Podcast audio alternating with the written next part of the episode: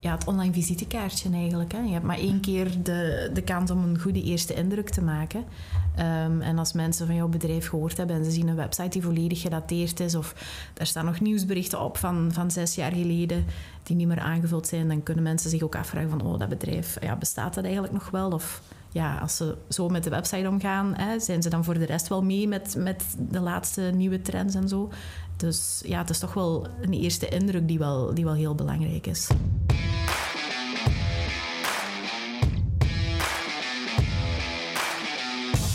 Welkom bij Ondernemerspraat, de Vlaamse podcast die ambitieuze ondernemers inspireert. Ondernemers inspireren met boeiende verhalen over cultuur, bedrijfsstrategie, marketing en websites. Vandaag in onze Creative Lounge gaan we het hebben over websites. We doen dat met twee Creative teamleden. Welkom Manon en eh, Bram. Manon, jij bent eh, webmanager. Bram, je bent front-end developer. Nu, vooraleer echt in detail in te gaan over hoe een website er moet uitzien, misschien de eerste prangende vraag is: hoe belangrijk zijn websites nog? Moeten we in deze tijden überhaupt een website hebben, Manon? Uh, ik denk het wel. Ehm, ik denk dat we allemaal wel, voordat we met een bedrijf in zee gaan of we hebben van iemand een aanbeveling gekregen van daar moet je eens gaan kijken voor meubels of daar moet je eens iets, iets gaan eten, dat we allemaal toch wel, ja, voornamelijk op de gsm tegenwoordig, ehm, ja, wel een bedrijf gaan opzoeken. En we gaan toch nog vaker naar de website kijken dan social media. Um, ik denk zeker sinds een paar jaar um, is social media en vooral dan ook Facebook iets minder populair. en ik denk dat we ook niet mogen vergeten dat er heel veel mensen zijn misschien de 60-plussers um, die niet actief zijn op Facebook. Ehm, en die gaan dan ook je bedrijf niet vinden ehm, als je enkel op social media actief bent. dus ik denk dat het wel heel belangrijk is. En een website kan je ook nou altijd aanpassen aan de, de stijl van je bedrijf. Je kan daar zelf teksten op zetten, foto's op zetten. Terwijl bij social media is dat toch eerder beperkter. Ga je dingen in kleine berichtjes moeten plaatsen en dan krijgen mensen misschien niet ineens het hele verhaal mee. Um, dus ik denk dat dat toch wel een eerst belangrijk punt is. Uh. Ja, en ook heel veel KMO's die natuurlijk hun goederen vooral via websites kunnen verkopen, wat je ook niet, niet kan op social media. Bram, je bent het daar volledig mee eens, denk ja, ik. Ja, 100 procent. Ik denk ook het verschaffen van informatie, dat dat ook gewoon veel gestructureerder kan via een website. Zodat mensen ook de informatie waar ze naar op zoek zijn makkelijker kunnen terugvinden. Zoals Manon net zei, op social media heb je verschillende kleine berichten. Maar als, er nu, als ze nu ergens specifiek naar op zoek zijn, dan moeten ze misschien al honderd berichten door gaan scrollen voordat ze dan de juiste informatie kunnen vinden. Terwijl op een website kan je dat veel gestructureerder neerzetten, zal ik zeggen. En is het gewoon makkelijker voor mensen om informatie terug te vinden. En toch heb ik het gevoel dat ik hier een en-en-verhaal hoor. Je hebt beide nodig, hè? En de website en de social media. En jullie maken ook die link daartussen. Ja, ja. Um, dus, dus zoals er bij onze website opgeleverd wordt, dan gaat die meestal uh, ook wel uh, door naar de marketingafdeling. Um, dus er zijn heel veel klanten die gelukkig eigenlijk wel beseffen um, dat een website zomaar online plaatsen, dat dat de dag van vandaag niet meer genoeg is. vaak denken ze ook ja, dat het dan gaat gebeuren. Maar als niemand weet, zeker bij starters, um, dat je website online gaat, ja, vanzelf gaan ze die niet vinden. Um, dan moeten ze ofwel al je bedrijf kennen hè, en, en, gaan zoeken in Google en dan daarbij uitkomen. Um, maar voor nieuwe bedrijven waar niemand nog ooit van gehoord heeft, gaat dat niet gebeuren. En dan heb je echt wel ja, social media nodig, advertenties, om je bedrijf echt wel ja, kenbaar te maken, te laten opvallen online. en dan een stapje verder, als je echt blijvend gaat adverteren, dan kan je de doelgroep aanspreken. Mensen die op iets bepaald zoeken, dat ze meteen op de juiste landingspagina uitkomen. Um, wat dat dan hopelijk ook weer gaat resulteren in, in veel leads en, en nieuwe klanten online opvallen en groeien. Laten we het eens hebben over online opvallen. Ik ben heel benieuwd om te weten hoe moet een website eruit zien? Wat, wat is belangrijk? Goh, dat hangt natuurlijk ook een beetje van, van bedrijf tot bedrijf af, denk ik, en van sector tot sector. Maar ik denk dat het wel belangrijk is bij een website dat, um, je altijd dezelfde stijl uitstraalt online. Dus zowel op social media als op de website, zodat je toch een soort van brandbekendheid opbouwt. Um, en dat voor mensen ook gewoon dat je bedrijf herkenbaar is op verschillende mediums. Dus zowel op social media, maar ook op de website natuurlijk. En dat begint denk ik wel bij de website. Het moet een uh, coherent verhaal zijn. Wat zijn volgens eh, jullie de, de valkuilen van een website? Waar gaan veel KMO's, bedrijven de mist in? Um, iets wat ik zelf eigenlijk heel vervelend vind, is um, dat een website niet duidelijk is. Um, dat heb ik ook al een paar keer aan de hand gehad. Hè, dat je aan het surfen bent naar een bepaalde website en je zoekt informatie. Bijvoorbeeld, ik zeg nu maar eens de openingsuren. En je denkt, ah, dat gaat bij contact staan. Dat zou heel logisch zijn. En dan klik je daarop en dan staat het daar niet. En dan moet je alle pagina's afgaan. En dan staat het bijvoorbeeld bij de Over ons pagina of enkel op de homepagina onderaan. Um, of websites, hè, dat je ergens op klikt en dan openen er weer nieuwe pagina's en dan kan je daar nog op verder klikken, maar je, je hebt geen duidelijke structuur. Dan weet je ook niet meer van ja, welke pagina heb ik nu al gezien, wat mis ik nog. Um, dus ik denk gewoon heel duidelijk en gebruiksvriendelijk dat dat wel heel belangrijk is. Um, en gebruiksvriendelijkheid, ja, dat kan ook weer een beetje van alles zijn. Het moet ook gewoon werken. Er zijn helaas vandaag ook nog wel heel veel mensen die ooit een website hebben laten maken, die er dan misschien eh, op, op desktop of computer of laptop nog redelijk goed uitziet. Um, maar als je dan op een iPad of via een mobiel apparaat gaat kijken, dan uh, ja, werkt het niet of, of ziet het er gewoon echt niet oké uit. Um, en vandaag kijken toch heel veel mensen via de gsm en dan laat je eigenlijk wel kansen liggen. Um, dus ik denk dat dat ook wel heel belangrijk is. Ja, Bram, het moet technisch in orde zijn. Mm Die mobile-friendly versie. Mm -hmm. Ik vind dat man ook nog redelijk um, rustig, zal ik zeggen, uitdrukt.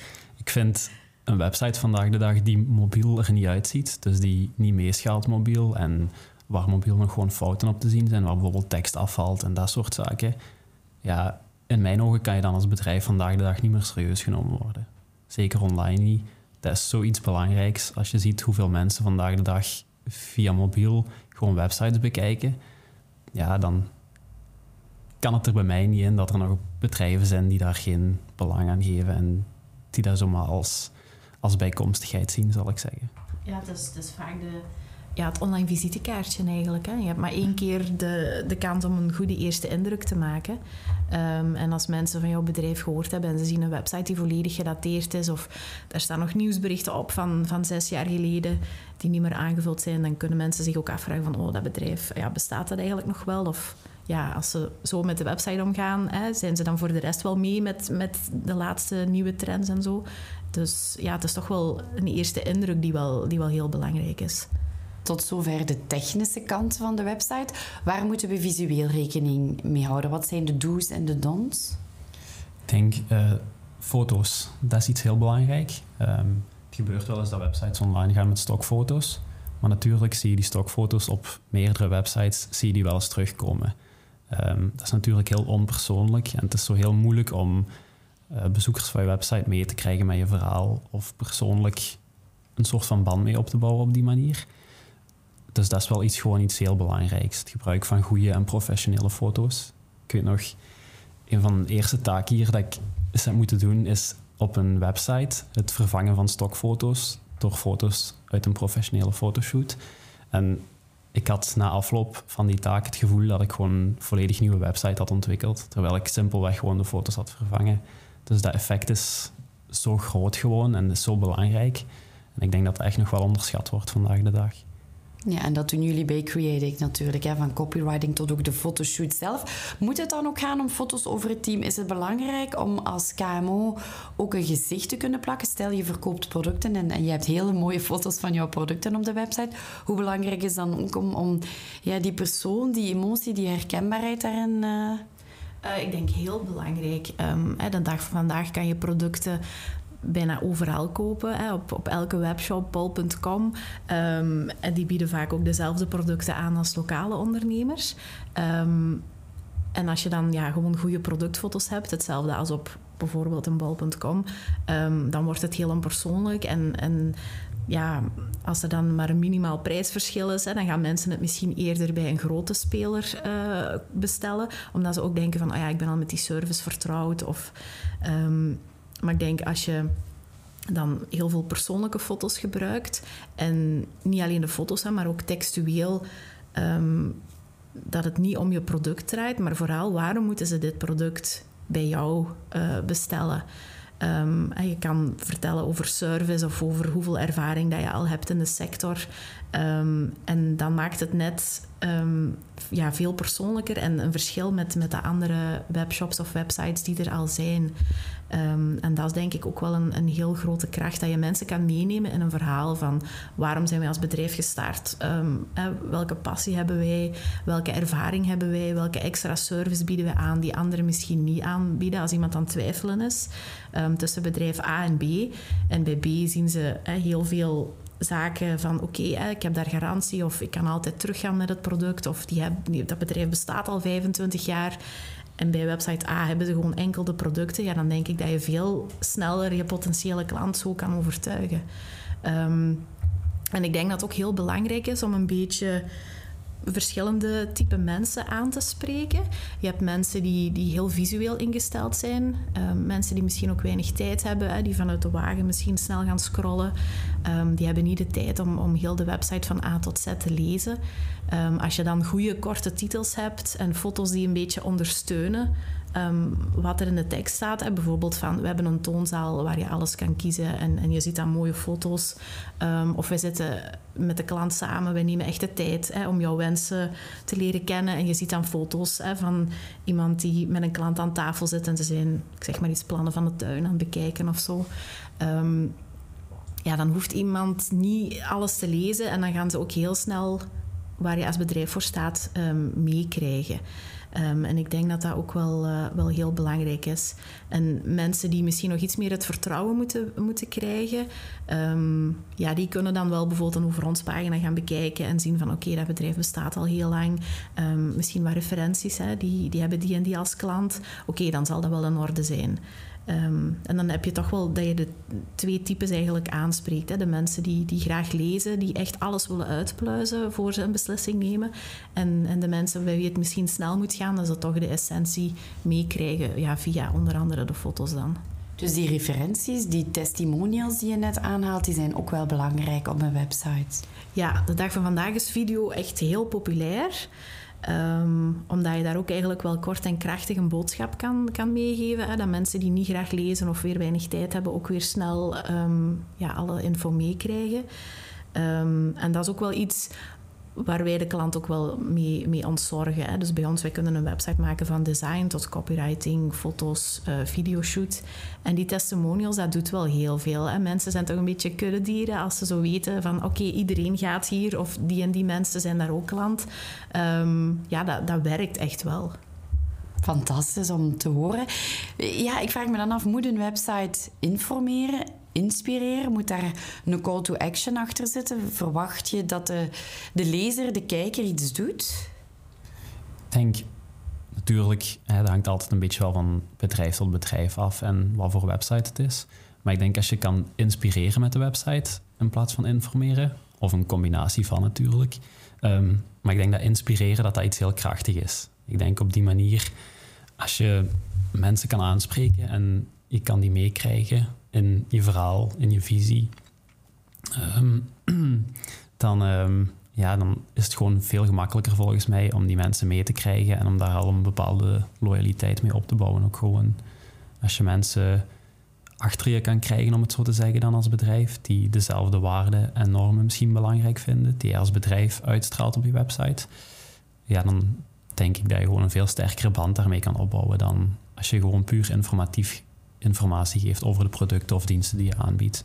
Dus ik denk in die zin dat inspireren, dat dat wel een heel belangrijke is en heel krachtig overal kan zijn op een website. En hoe doe je dat als front-end developer? Is dat met bepaalde knoppen werken op de website? Of, of? Goh, als front-end developer volg ik ook maar het design natuurlijk van de designers. Hè. Um, dus dat zit meestal daar al wel in verwerkt. Maar ik probeer natuurlijk wel mee te denken ook van als ik aan het ontwikkelen ben, dan ga ik zelf ook door de website om te testen en dan ken je de structuur van de website wel. Dus dan kan je daar inderdaad wel op inspelen. En dan kan je soms wel merken van hier is misschien nog een call to action te weinig. Of in de plaats van naar die pagina laten we die beter naar een andere pagina gaan. En dat soort zaken. En dat zijn misschien heel kleine details, maar dat zijn wel details die wel het verschil kunnen maken op een website. Ja, en die jullie als professionals natuurlijk onmiddellijk zien. Want wat, wat is dat juist, zo'n call to action, Manon? Wat moet ik mij daarbij voorstellen? Ehm, eigenlijk wil je, wil je ja, de klant tot een actie eh, laten overgaan, vandaar ook de naam. Um, dat kan zijn van eh, schrijf je hierin of lees meer of uh, ja, ik heb interesse of bestel nu of voeg toe aan winkelmandje. Dat zijn allemaal voorbeelden van, van call to actions. Um, en dat is toch wel heel belangrijk.